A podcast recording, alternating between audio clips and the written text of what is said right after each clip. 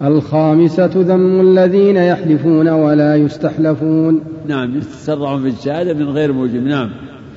السادسة ثناؤه صلى الله عليه وسلم على القرون الثلاثة أو الأربعة. وذكر الثلاثة أو الأربعة الشيخ يعني اعتبر الشك والأظهر أنها ثلاثة. نعم ثناؤه على القرون الثلاثة. والقرون الثلاثة ما هو بلازم أنها المئات الثلاثة. القرن الجيل والأمة.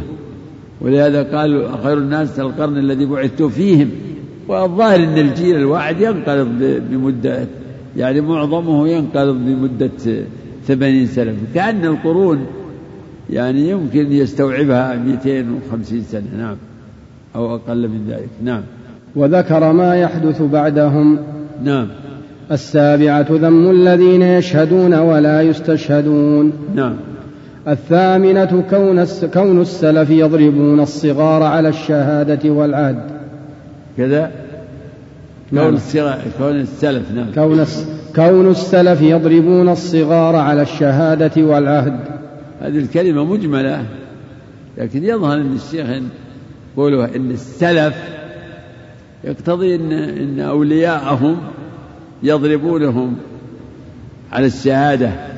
يعني يضربونهم أن أن يشهدوا بالباطل ويضربونهم أن يدخلوا في العهود مع أولئك الظلمة. لعل هذا تأويله لأن الشيخ قال أن السلف كان. والله أعلم. صلى الله عليه وسلم في لفظ عند مسلم أحسن عليك كانوا ينهوننا ونحن غلمان عن العهد والشهادات. هذا لا شك أن هذا يفسر. لا شك أن هذا تفسير طيب. في مسلم؟ في مسلم أحسن الله. ذكر هذا يرجح هذا التفسير. أحسن الله إليك. الحمد لله رب العالمين والصلاة والسلام على أشرف الأنبياء والمرسلين نبينا محمد وعلى آله وصحبه أجمعين. قال المؤلف رحمه الله تعالى قال المؤلف رحمه الله تعالى باب ما جاء في ذمة الله وذمة نبيه صلى الله عليه وسلم. وقوله تعالى وأوفوا بعهد الله إذا عاهدتم ولا تنقضوا الأيمان بعد توكيدها. وعن بريدة رضي الله عنه قال كان رسول الله صلى الله عليه وسلم إذا أمر أميرا على جيش أو سرية أوصاه بتقوى الله وبمن معه من المسلمين خيرا فقال اغزوا بسم الله في سبيل الله قاتلوا من كفر بالله اغزوا ولا تغلوا ولا تغدروا ولا تمثلوا ولا تقتلوا وليدا.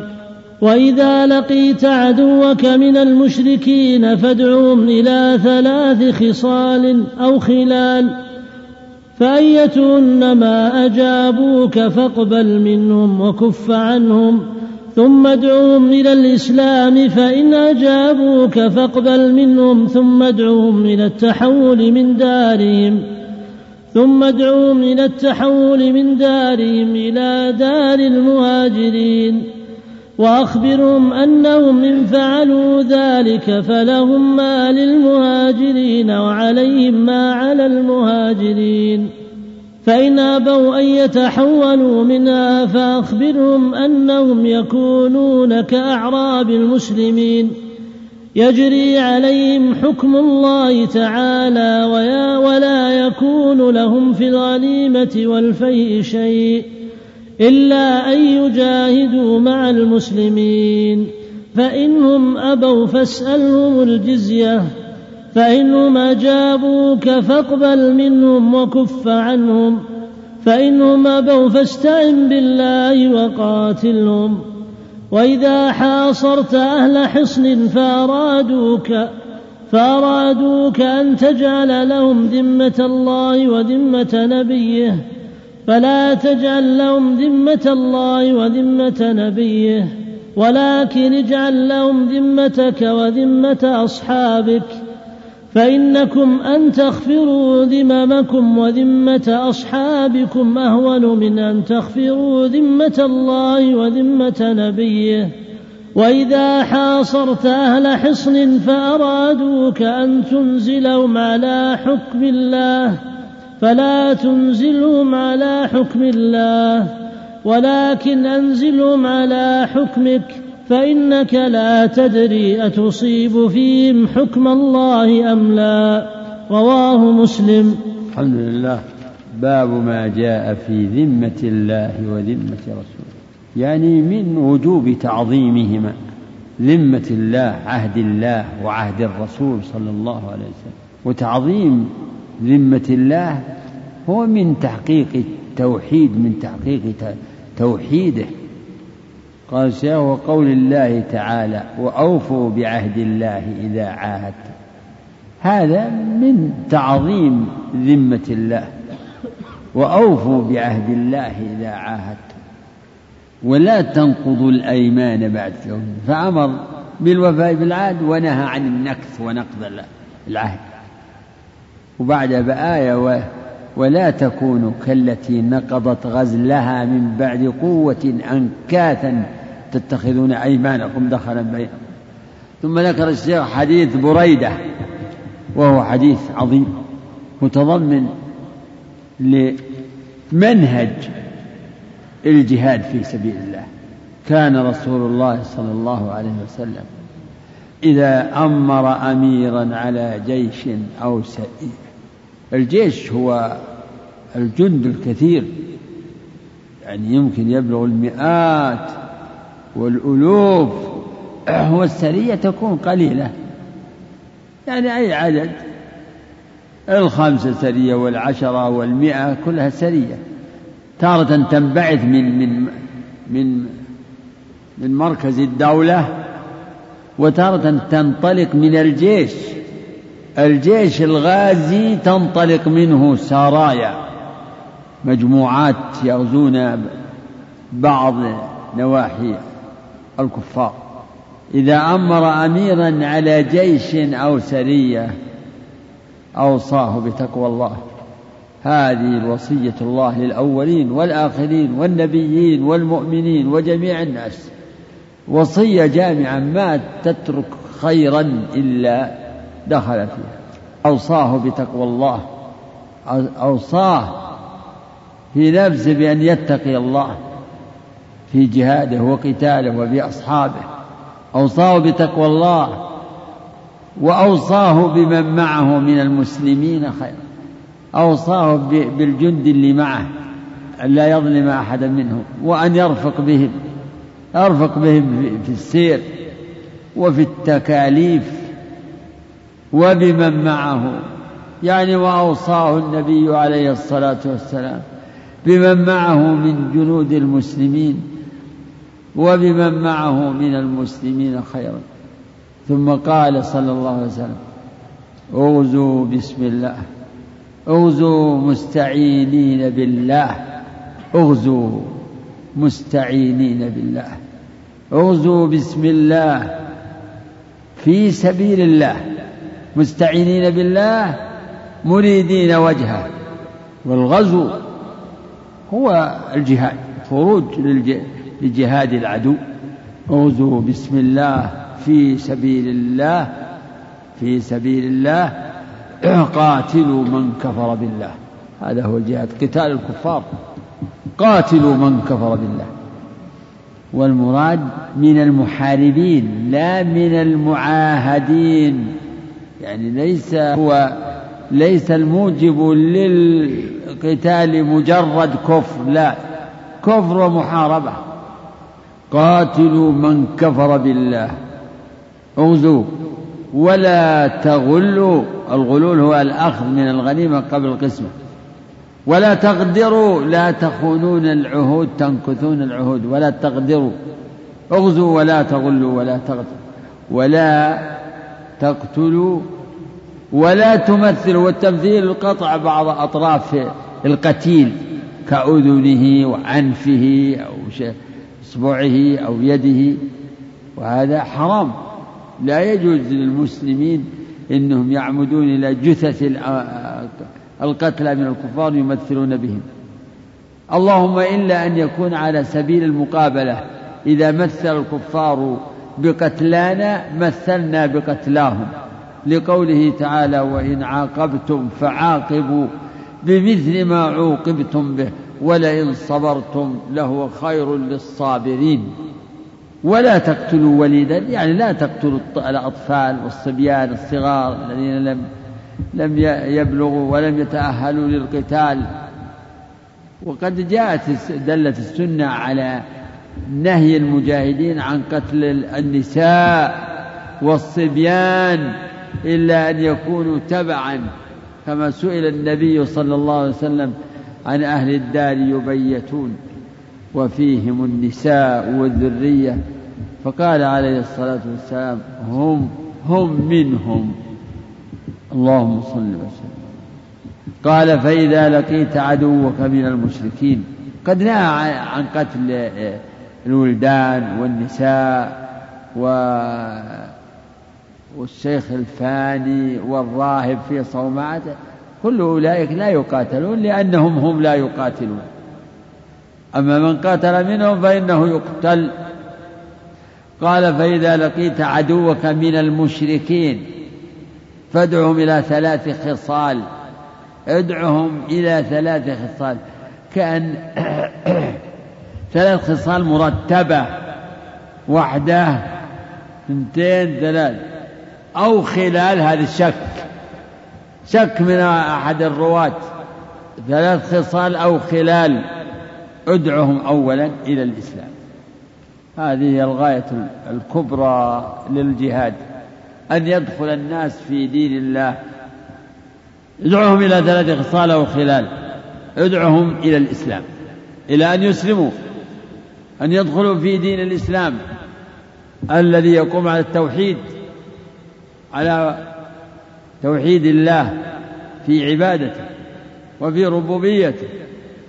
إذا لقيت عدوك من المشركين فادعوا إلى ثلاث خصال أو خلال فأيتهن ما أجابوك. أيتهن ما أجابوك ما صلة زائدة. فأيتهن أجابوك. فأيتهن ما أجابوك فاقبل منهم.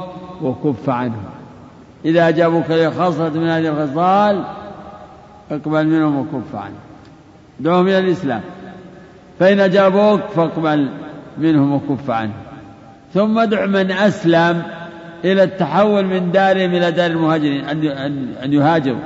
فإن أبوا هؤلاء المسلمون الجدد إن إذا أسلموا وأبوا أن يتحولوا فأعلمهم أنهم يكونوا كأعراب المسلمين. ليس لهم من الغنيمة والفيء شيء ولكن تجري أحكام الدنيا عليهم تجري أحكام الإسلام عليهم تجري عليهم أحكام المسلمين وليس لهم من الغنيمة والفيء شيء. قال فإن أبوا أن يتحولوا إلى دار المهاجرين ما دار المهاجرين؟ المدينة. فإن أبوا نعم. فإن أبوا فأعلمهم أنهم يكونوا كأعراب المسلمين إلى آخره. قال فإن أبوا هذا عود إلى العدو ما هم؟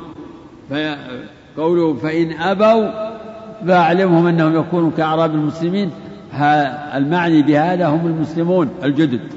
أما الثاني اللي بعدها فإن أبوا يعني المشركون يعني أبوا الإسلام فاسألهم الجزية. اطلب منهم الجزية وأن تعصم دماءهم وأموالهم ويمكن أن يعيشوا بين المسلمين وهؤلاء هم هم أهل الذمة. أهل الذمة هم الذين يعقد لهم العهد الإقرار على دينهم وبقائهم في ديار المسلمين بالشروط الكثيرة التي يعني فيها احتياط للمسلمين. وفيها كف فيها احتياط للمسلمين وفيها حد من تصرفاتهم. لا إله إلا الله. فاسألهم الجزية. الجزية مال مقدر يعني يختلف باختلاف أحوال. من تضرب عليهم تضرب عليهم. سألهم الجزية. وقد ذكر الله الجزية في سورة براءة حتى يعطوا الجزية. قاتلوهم.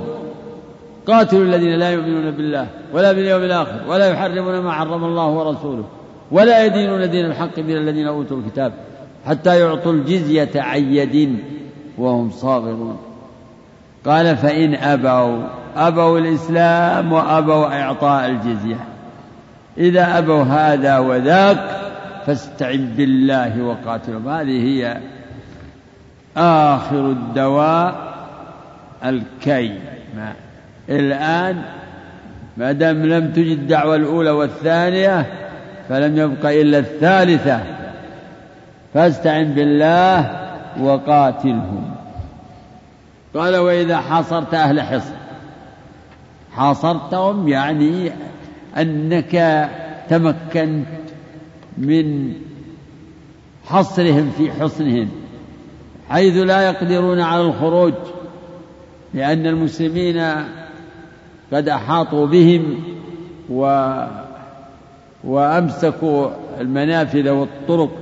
إذا حصرت أهل حصن فأرادوك أن تجعل لهم ذمة الله وذمة رسوله. يعني قالوا ننزل لكن على ذمة الله ورسوله. قال فلا تجعل لهم ذمة الله وذمة رسوله. اجعل لهم ذمتك وذمة أصحابك. قل انزلوا على ذمتي وذمة أصحابي. فإنك إن تغفروا ذممكم أهون من أن تغفروا أن تغفروا ذمة الله وذمة رسوله. يقول الأمير انزلوا على ذمتي وذمة أصحابي. قال وإذا حصرت على حصن فأرادوا فأرادوك أن تجعل لهم أن تنزلهم على حكم الله. فأرادوك أن تنزلهم على حكم الله ورسوله. فلا تنزلهم على حكم الله ورسوله بل أنزلهم على حكمك وحكم أصحابك. فإنك لا تدري أتصيب حكم الله فيهم أم لا. وليس معنى هذا أنك تحكم فيهم بغير حكم الله لا. لكن يتعين أن تحكم عليهم ولهم بحكم الله ورسوله. هذا فرض. وإذا أنزلهم الأمير القائد إذا أنزلهم على حكمه وحكم أصحابه فإن عليهم أن يجتهدوا في معرفة حكم الله حكم الله وحكم رسوله. قال فإنك لا تدري أتصيب حكم الله. لا تلزم نفسك. قل انزلوا على حكمي وحكم أصحابي. فإن كان حكم الله ظاهرا و فالقول به متيسر. وإن كان موضع اجتهاد حكم به الناظر والباحث بحسب اجتهاده. وإلا فلا يجوز لأحد أن يحكم بخلاف حكم الله. إما بموجب النصوص الصريحة الدالة على هذا الحكم وإلا بالاجتهاد. قوله فلا تنزلهم على حكم الله ورسوله وعلل ذلك بقوله لا تدري أتصيب حكم الله فيهم أو لا. فإن الصواب عند الله واحد يعني اختلاف المجتهدين لا يقتضي أن كل واحد معه الحق. فقول القائل كل مجتهد مصيب غلط لكنه معذور ومأجور إذا وإن أصاب فحظه إن أصاب فله أجران وإن أخطأ فله أجر واحد والخطأ مغفور. والشاهد من هذا الحديث هو الجملة إذا حصلت على حصن فأرادوك أن تنزلهم على ذمة الله وذمة رسوله فلا تنزلهم. على ذمة الله وذمة رسوله. فإنكم وعلل ذلك بقوله فإنكم تغفروا ذممكم وذمة أصحابك أهون من أن تغفر ذمة الله وذمة رسوله. نعم حسبك يا عصام. اقرأ المسائل فيه مسائل الأولى الفرق بين ذمة الله وذمة نبيه وذمة المسلمين. الفرق بينهما أن هذه أشد. ذمة الله وذمة نبيه أشد من ذمة المسلمين. هذا عهد الله. فيجب من الوفاء فيه ويتأكد أعظم من مما يجب من الوفاء بالعهود التي تكون بين الناس. نعم. الثانية الإرشاد إلى أقل الأمرين خطرا. وهو أن ينزلوا على حكمه وحكم أصحابه أو ينزلوا على ذمة ذمة الأمير أو ذمة أصحابه. نعم.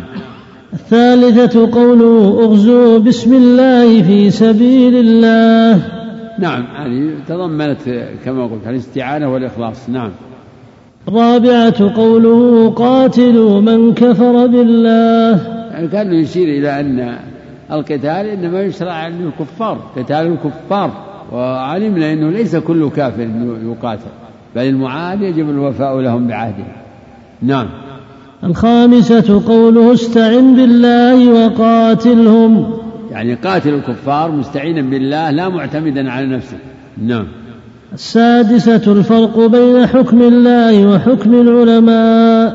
الفرق حكم الله حكم قاطع. فمن أدركه أصاب وكان له الأجر مرتين وإن لم يصادف حكم الله وهو مجتهد. فلا يضر لأنه إنما وقع فيما وقع فيه خطأ نعم بعده. السابعة في كون الصحابي يحكم عند الحاجة بحكم لا يدري أيوافق حكم الله أم لا. نعم هذا شأن القاضي أنه يحكم بما أدى إليه فهمه وعلمه واجتهاده. حتى الرسول عليه الصلاة والسلام في حكمه على الخصماء هكذا. يقول إنكم تختصمون إلي. ولعل أحدكم ألحن بحجته من صاحبه. ألحن بحجته من صاحب فمن قضيت له بحق أخيه أو بمال أخيه فإنما أقطع له قطعة من نار. فليأخذها أو ليدعه نعم بعد. انتهت المسائل أحسن الله عليك انتهت المسائل؟ نعم. وقال الله الجميع. أحسن الله عليك بسم الله الرحمن الرحيم. الحمد لله رب العالمين وصلى الله وسلم على نبينا محمد وعلى آله وصحبه أجمعين. اللهم اغفر لنا ولشيخنا وللحاضرين. قال المصنف يرحمنا الله وإياه وجميع المسلمين. باب ما جاء في الإقسام على الله. عن جندب بن عبد الله رضي الله عنه قال قال رسول الله صلى الله عليه وسلم قال رجل والله لا يغفر الله لفلان. فقال الله عز وجل ومن ذا الذي يتألى ومن ولا من ذا من ذا الذي يتألى علي ألا أغفر لفلان. إني قد غفرت له وأحبطت عملك رواه مسلم. وفي حديث أبي هريرة رضي الله عنه أن القائل رجل عابد قال أبو هريرة رضي الله عنه تكلم بكلمة أوبقت دنياه وآخرته باب ما جاء في الإقسام على الله. يعني في حكم الإقسام على الله وخطر الإقسام على الله إقساما يتضمن سوء الظن بالله. الإقسام على الله يكون بأن يحلف الإنسان بأن هذا لا يكون أو بأن هذا يكون وهذا يكون على وجهين. يكون على وجه حسن الظن بالله وقوة الطمع والرجاء. وهذا مثل ما جاء في حديث في قصة الربيع بنت النضر التي كسرت سن جارية فرفعوا الأمر إلى الرسول عليه الصلاة والسلام وكان أخوها هو يعني كان حاضرا وهو الذي يخاصم فأمر النبي عليه الصلاة والسلام بالقصاص لأنها كسرت سنها أو قلعت سنها يعني عمدا. فقال أنس أنس بن النضر والله لا تكسر ثنية الربيع. فالرسول عليه الصلاة والسلام قال يا أنس كتاب الله القصاص. لا بد من القصاص. فلما رأى القوم إنه إن الرسول حكم لهم وأنه لا بد من تنفيذ هذا الحكم. ألقى الله في قلوبهم العفو فعفوا. فرضي القوم فعفوا. سبحان الله. فقال رسول الله صلى الله عليه وسلم إن من عباد الله من لو أقسم على الله لأبر. هذا ما هو؟ أنس ما قال والله لا تكسر ثنية الربيع اعتراضا على على الشرع وممانعة وحماية لأخته ألا ألا ينفذ فيها شرع الله فإن هذا جاء فيه لعن الله, لعن الله من آوى محدثا لكن علمنا من كلام الرسول أن أنس حلف ألا. يعني صار عنده حسن ظن وقوة طمع وأمل إن الله يعني سيفتح لها باب ومخرج وفعلا القوم رضوا فرضي القوم فعفوا. فقال رسول الله صلى الله عليه وسلم إن من عباد الله من لو أقسم على الله لأبر وجاء هذا المعنى في غير ما حديث. رب عبد ذي طمرين مدفوع بالأبواب لو أقسم على الله لأبر وهذا و وإبرار الله لإقسام من أقسم عليه على هذا الوجه هذا يعني دليل على فضيلة يعني نفس القصة فيها فضيلة لأنس بن النضر حيث كان ممن أبر الله قسمه أبر الله قسمه حلف أنه لا يقوم فأبر الله قسمه. أما ما نحن فيه فشيء آخر. هذا والعياذ بالله لما هذا الرجل الذي جاء في حديث أبي هريرة أنه كان رجلا عابدا كان ينهى رجلا يراه على المعصية وفي كل مرة يقول يا فلان اترك المعصية و فلما رآه ولم يز... لم يزدجر تقول على الله وحلف قال والله لا يغفر الله لفلان أو لا يغفر الله له هذا تقول على الله. يتضمن الله تعالى أهل التقوى وأهل المغفرة. هو هذا يتضمن سوء الظن بالله. والله لا يغفر. أولا أنه قول يعني يعني هو كأنه أخبر وقال قولا هو رجم بالغيب والله لا يغفر الله لفلان. ومعنى قوله في الحديث أن الله تعالى قال من ذا الذي يتألى يعني يحلف؟ التألي الحلف والإيلاء الحلف للذين يؤلون من نسائهم. وفي وفي قوله تعالى ولا يأتلي يقال تألى وأتلى وآلى كلها بمعنى الحلف آلى على نفسه وتألى وأتلى ولا يأتلي أولو الفضل منكم والسعة. أن يؤتوا للقربى والمساكين والمهاجرين في سبيل الله. نزلت في أبي بكر رضي الله عنه لما يعني وقع مصطح ابن بنت خالته وكان مسكينا وكان أبو بكر ينفق عليه فلما وقع فيما خاض فيه الناس من شأن الإفك حلف وقال والله لا أنفق عليه. فلما أنزل الله هذه الآية قال أبو بكر بلى يعني بلى أحب أن يغفر الله لي. فرد على مصطح نفقته. ففي هذا الحديث يقول الله من من ذا الذي يتألى علي ألا أغفر لفلان؟ يتألى ويتقول ويحلف على أني لا أغفر لفلان. إني قد غفرت له وأحبطت عملك. وهذا يدل على إن هذا الرجل قاله على يعني معجبا معجبا بنفسه. وانضاف إلى هذا سوء ظنه بالله. إبراهيم الخليل يقول ومن عصاني فإنك غفور رحيم. في المشركين ومن عصاني؟ ربي يقول واجنبني وبني أن نعبد الأصنام ربي إنهن أضلل كثيرا من الناس. فمن تبعني فإنه مني. ومن عصاني فإنك غفور رحيم. فهذا أرسل كلمة لكنها صدرت عن جهل فاضح. سوء ظن بالله. غرور. ينبي عن غرور. إني قد غفرت له. وأحبطت عملك. قال أبو هريرة قال كلمة كلمة أوبقت دنياه وآخرته وهذا شاهده إن العبد لا يتكلم بالكلمة من سخط الله.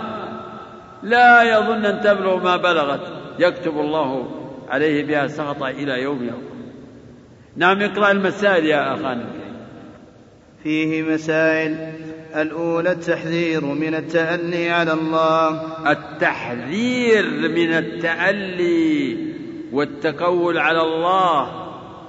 تحذير. نعم. الثانية كون النار أقرب إلى أحدنا من شراك نعله. أعوذ بالله. يعني إن إن النار إن الإنسان قد قد يخرج من الإسلام بكلمة وقد يحبط عمله بكلمة. ويستوجب والعياذ بالله النار. ويشهد لهذا النار أقرب إلى أحدكم من شراك عليه نعم. الثالثة أن الجنة مثل ذلك. مثل ذلك نعم. الرابعة فيه شاهد لقوله إن الرجل ليتكلم بالكلمة. نعم شاهد للحديث هذا تكلم بكلمة أو بقت دنياه وآخرته نعم انتهى الخامسة أن الرجل قد يغفر له بسبب هو من أكره الأمور إليه. فيه أن الرجل قد يغفر له بسبب هو من أكره الأمور من أكره الأشياء والأمور عليه. كريه.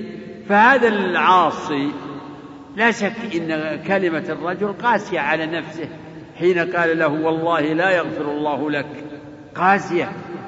فكانت هذه الكلمة التي تهدد هدده بها وقنطه قنطه كانت سببا لمغفرة الله. يعني إذا أن الرجل قد يغفر له بسبب عدوان عدوان بعض المعتدين عليه بقول أو فعل. نعم. بارك الله ما ما هذيك سامع الله. ما كل ما ما يتيسر. يعني هذا أمر أقول يعني طريق ضيق.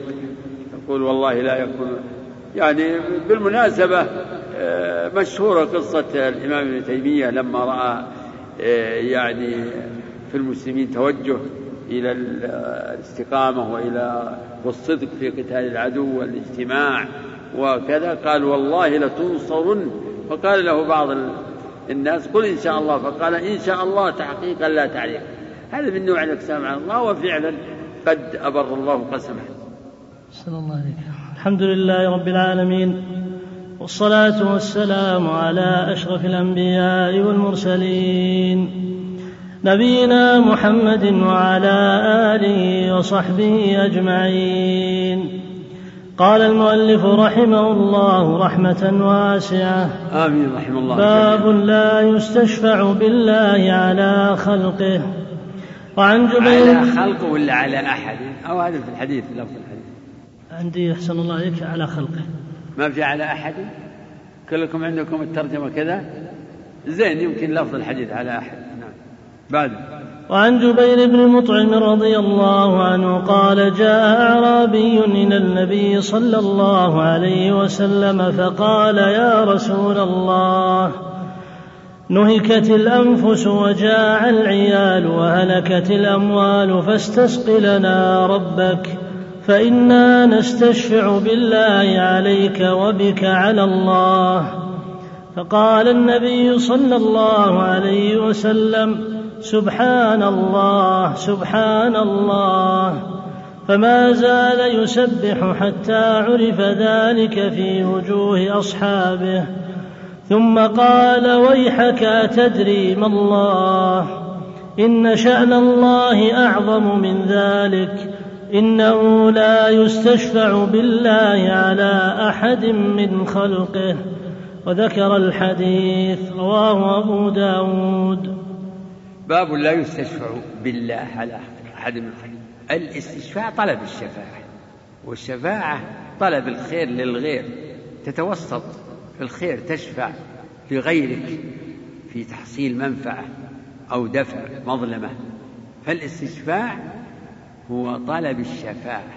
قال الشيخ باب لا يستشفع بالله على خلقه لا يستشفع نهي لا يستشفع أو نفي لا يستشفع والمؤدى واحد ولكن لفظ الحديث ظاهره الخبر إنه لا يستشفع بالله على أحد ولكن هذا الخبر يتضمن النهي إذا كان الله لا يستشفع به على أحد من خلقه فلا يجوز لأحد أن يستشفع بالله على خلقه. واستدل الشيخ على هذه الترجمة بحديث جبير بن مطعم في قصة ذلك الأعرابي الذي جاء وشكى إلى الرسول ما حل بالناس من المجاعة ومن هلاك الأموال ومن ضعف النفوس نهكت الأنفس وجاع العيال وهلكت الأموال. فاستسقي لنا ربك. ادعو الله. والاستسقاء سنة الأنبياء. وإذ استسقى موسى لقومه. وأوحينا إلى موسى إذ استسقاه قومه. وهكذا كان الرسول عليه الصلاة والسلام يسأله الصحابة إذا أجدبوا طلبوا منه أن يستسقي لهم. كما في حديث أنس الثابت في الصحيح حين كان الرسول يخطب يوم الجمعة فدخل أعرابي فجاء إلى الرسول وهو يخطب وقف أمامه يا رسول الله! هلكت الأموال وانقطعت السبل. فادعوا الله يغيثنا. فرفع النبي صلى الله عليه وسلم يديه ودعا ربه اللهم أغيثنا اللهم أغيثنا اللهم أغيثنا اللهم أغثنا غيثا هنيئا مريئا. فيقول يقول أنس إنه والله ما في السماء من سحابة ولا مزعة ولا شيء فنشأت سحابة مثل الترس فما زالت تنتشر ثم أمطرت فلم نرى الشمس سبتا أسبوع. وفي المقابل في الأسبوع في الجمعة الأخرى يدخل رجل هو الأول أو غيره ويقول يا رسول الله هلكت الأموال. قطعت السبل من من من, من المياه فادعوا الله يرفعها عنه فهذا جاء لكن هذا الرجل الأعرابي اللي عندنا في حديث جبير ما وقف عند فاستسقي لنا ربك. لو وقف عندها قد أحسن لكن زاد. فقال فإننا نستشفع بالله عليك وبك على الله. ذكر مسألتين نستشفع بالله عليك ونستشفع بك على الله. أما نستشفع بك على الله فهذا لا بأس. هو قوله استسقي لنا ربك هذا استشفاع. قوله استسقي لنا ربك هو استشفاع بالنبي على ربه. يعني اشفع لنا عند الله أن يسقينا وأن يغيثنا. لكن قوله فإننا نستشفع بالله عليك هذا محل النظر. فالرسول عليه الصلاة والسلام تغير وقال سبحان الله سبحان الله سبحان الله فما زال يسبح. وهذا والتسبيح أحيانا يأتي في مقام تعجب وتارة في مقام الإنكار وتارة في مكان يعني في حال الإقرار. ولكن كثير من الأحيان الرسول عليه الصلاة والسلام يكبر أو يسبح يعني تعظيما لله من الأمر الواقع الذي يعني سمعه أو شاهده سبحان الله سبحان الله ويحك. أتدري ما الله؟ ما الله؟ تعرف الله؟ إن شأن الله عظيم. شأنه عظيم. نعم. يقول في الحديث حتى عرف ذلك في وجوه أصحابه يعني لما الصحابة إذا لاحظوا أن الرسول غضب وانفعل تتغير وجوههم يعني لأنهم يشعرون إن هذا قد أتى بأمر يعني أغضب النبي أغضب النبي وحملها على أنه فتتغير وجوههم. يعني كراهة لما حدث من إغضاب الرسول عليه الصلاة والسلام. تدري ما الله؟ إن شأن الله عظيم. إنه لا يستشفع بالله على أحد من تبين إن الاعرابي أخطأ في قوله نستشفع بالله عليك. أخطأ. لماذا؟ لأن الشافع الأصل إنه يكون دون المشفوع عنده. يعني معناه إنهم يطلبون من الله أن يشفع عند الرسول. يعني كأنهم يقول يا الله اشفع لنا عند الرسول. وهذا لا يليق بالرب العظيم. الرسول عبد. هو الذي يسأل. هو الذي يسأل ربه. لا يجوز أن, أن, أن, أن لا يجوز أن يضاف إلى الله أنه يسأل الرسول ويشفع عند الرسول. فهذه جاءت يعني من على لسان هذا الأعرابي لجهله. فالرسول أنكر عليه. وأغلظ له. ما أغلظ له ما ضربه ولا شيء لكن أغلظ له ليبين له يعني أن الأمر عظيم وأن شأن الله عظيم كما قال. فعلم بذلك إنه لا يجوز الاستشفاع بالله. لكن تقول اللهم وفقه يدعو لي اللهم وفقه. ما هو طلب هو يعني اجعله بقدرتك أنه ألهمه الدعاء لي ألهمه أن يدعو لي. يعني ممكن لأن لأنه ما دعا ما لا يدعو أحد إلا بإلهام من الله. فإذا دعوت فهذا من إلهام الله لك. وإذا دعي دعي لك فكذلك من إلهام من إلهام الله لهذا العبد أن يدعو لك. قال الشيخ رحمه الله وذكر الحديث. الحديث له بقية وفيه آه، إن الله فيه ذكر أن الله على عرشه وعرشه فوق سماواته مثل هذه يعني مثل القبة العرش فوق السماوات والله تعالى فوق العرش. ويعلم ما العباد عاملون ولا يخفى عليه شيء من أعمالهم. مسائل الباب؟ في مسائل الأولى إنكاره على من قال نستشفع بالله عليك. نعم هذا فيه إنكار الرسول على من قال نستشفع بالله عليك فعلم أن هذا منكر. نعم. الثانية تغيره. تغيرا عرف في وجوه أصحابه من هذه الكلمة. في هذا تغليظ يعني غلط تحريم هذا هذا اللفظ وأنه فيه يعني جانب تنقص لرب العالمين وهذا ينافي تحقيق التوحيد والتعظيم لرب العالمين. نعم. الثالثة أنه لم ينكر عليه قوله نستشفع بك على الله. نعم دل على جواز يعني طلب الدعاء طلب الدعاء وقد كان الصحابة إذا أجدبوا يطلبون من الرسول أن يدعو لهم كما تقدم. ولما توفي الرسول كان عمر رضي الله عنه إذا أجدبوا يطلب من العباس أن يستسقي لهم كما في الحديث الذي عند البخاري. نعم.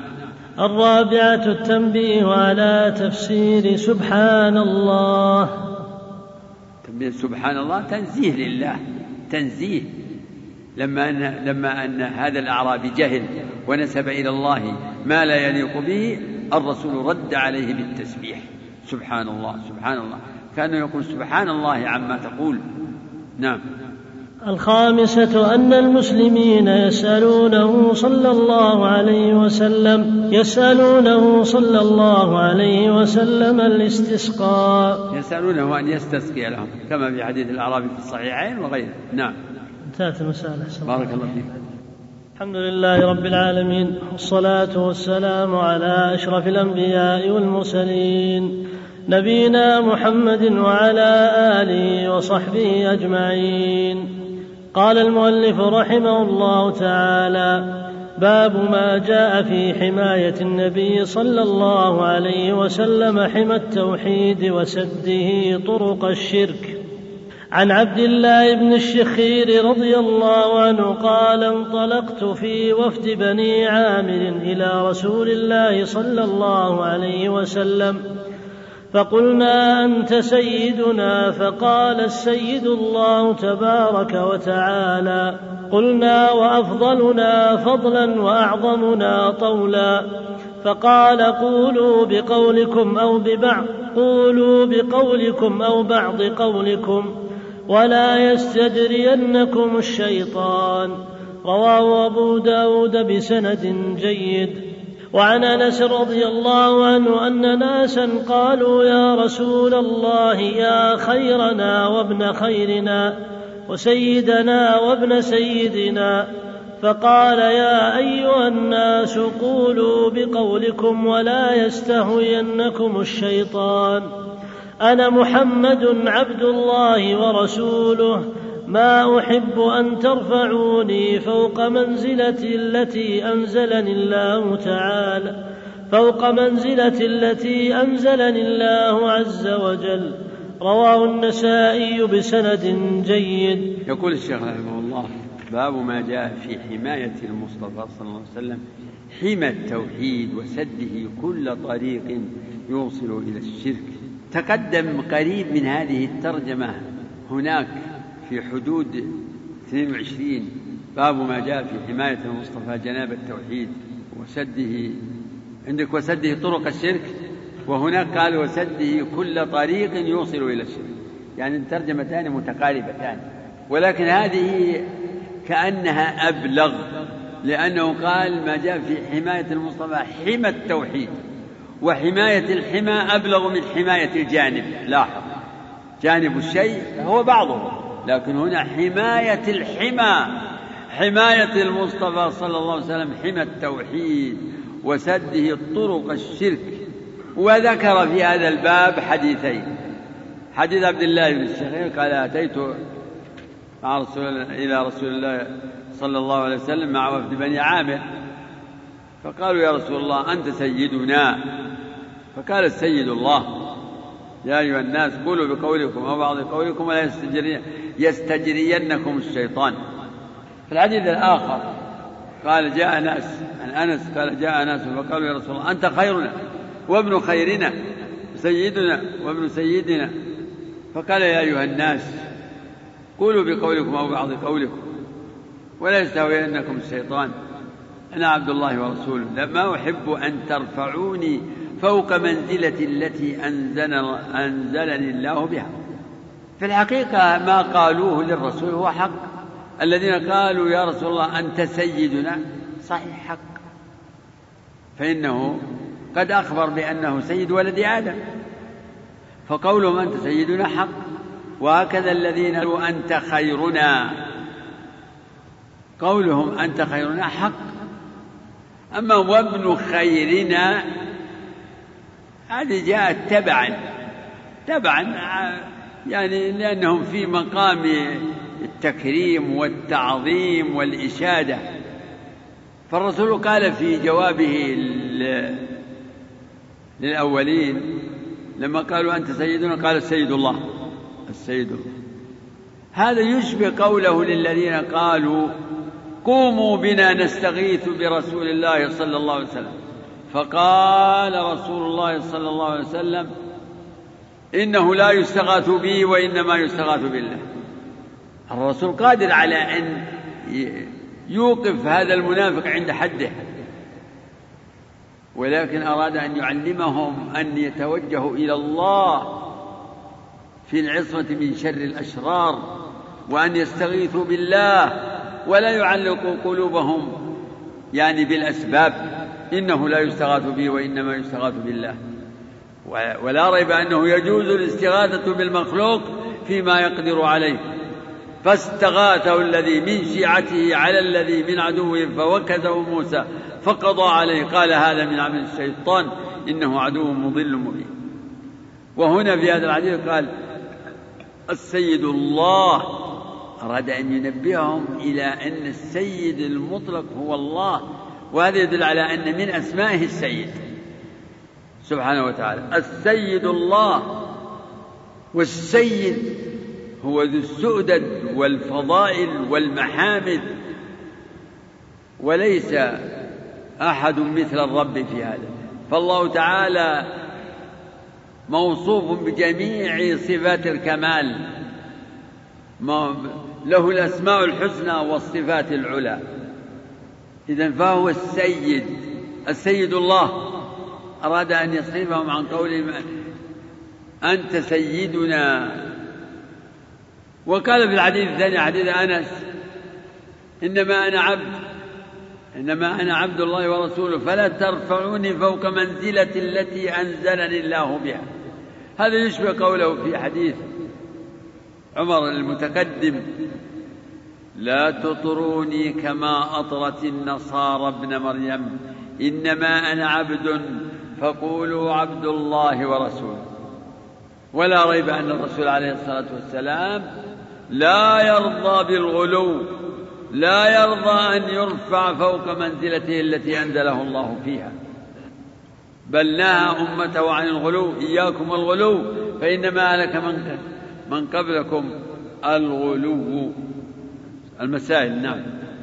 قوله قولوا ببعض قولوا بقولكم أو بعض قولكم يعني اقتصدوا في الكلام.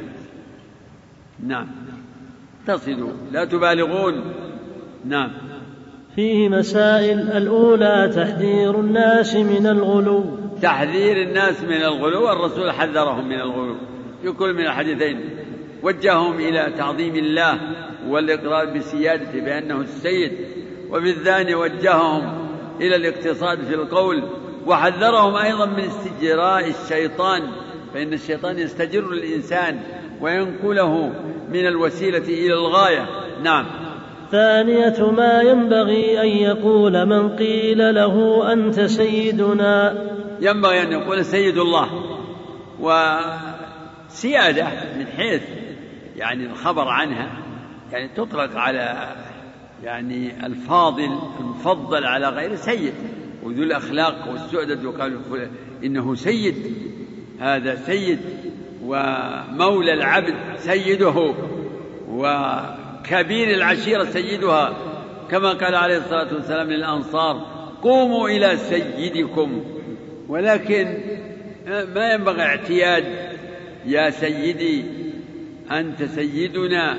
لنهي عليه الصلاة والسلام وقوله السيد الله. قولوا بقولكم وبعض قولكم ولا يستهوينكم الشيطان. فكيف إذا قيلت هذه الكلمة لمن هو من أبعد الناس عن السيادة؟ والناس يطلقونها على الكافر السيد فلان السيد فلان.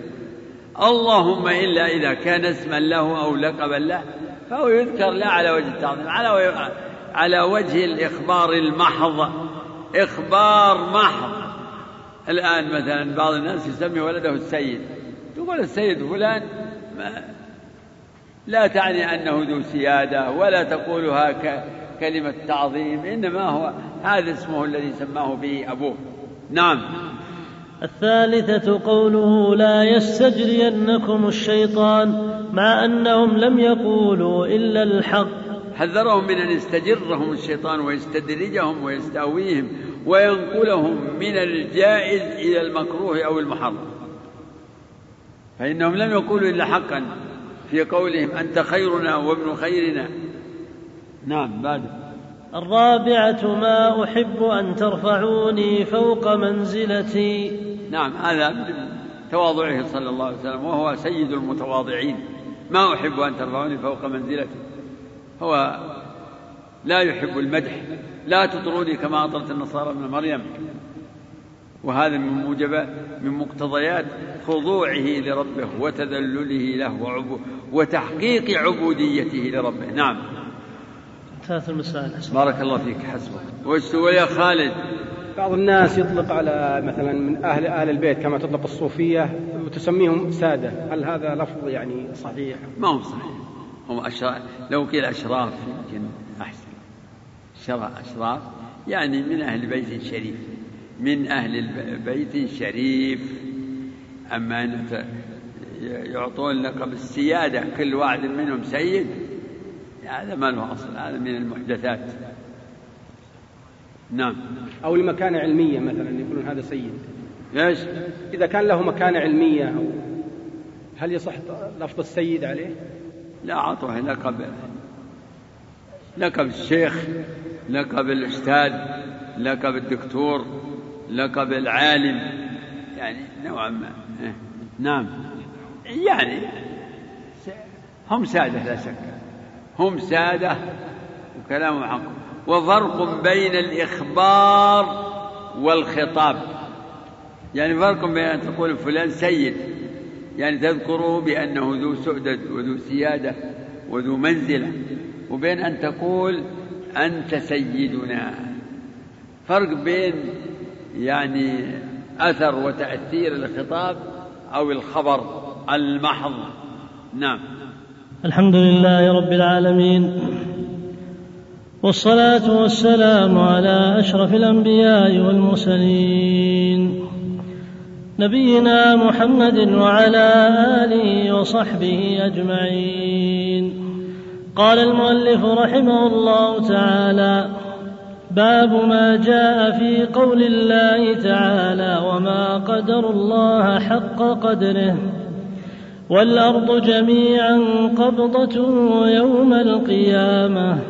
الآية وعن ابن مسعود رضي الله عنه قال جاء حبر من الأحبار إلى رسول الله صلى الله عليه وسلم.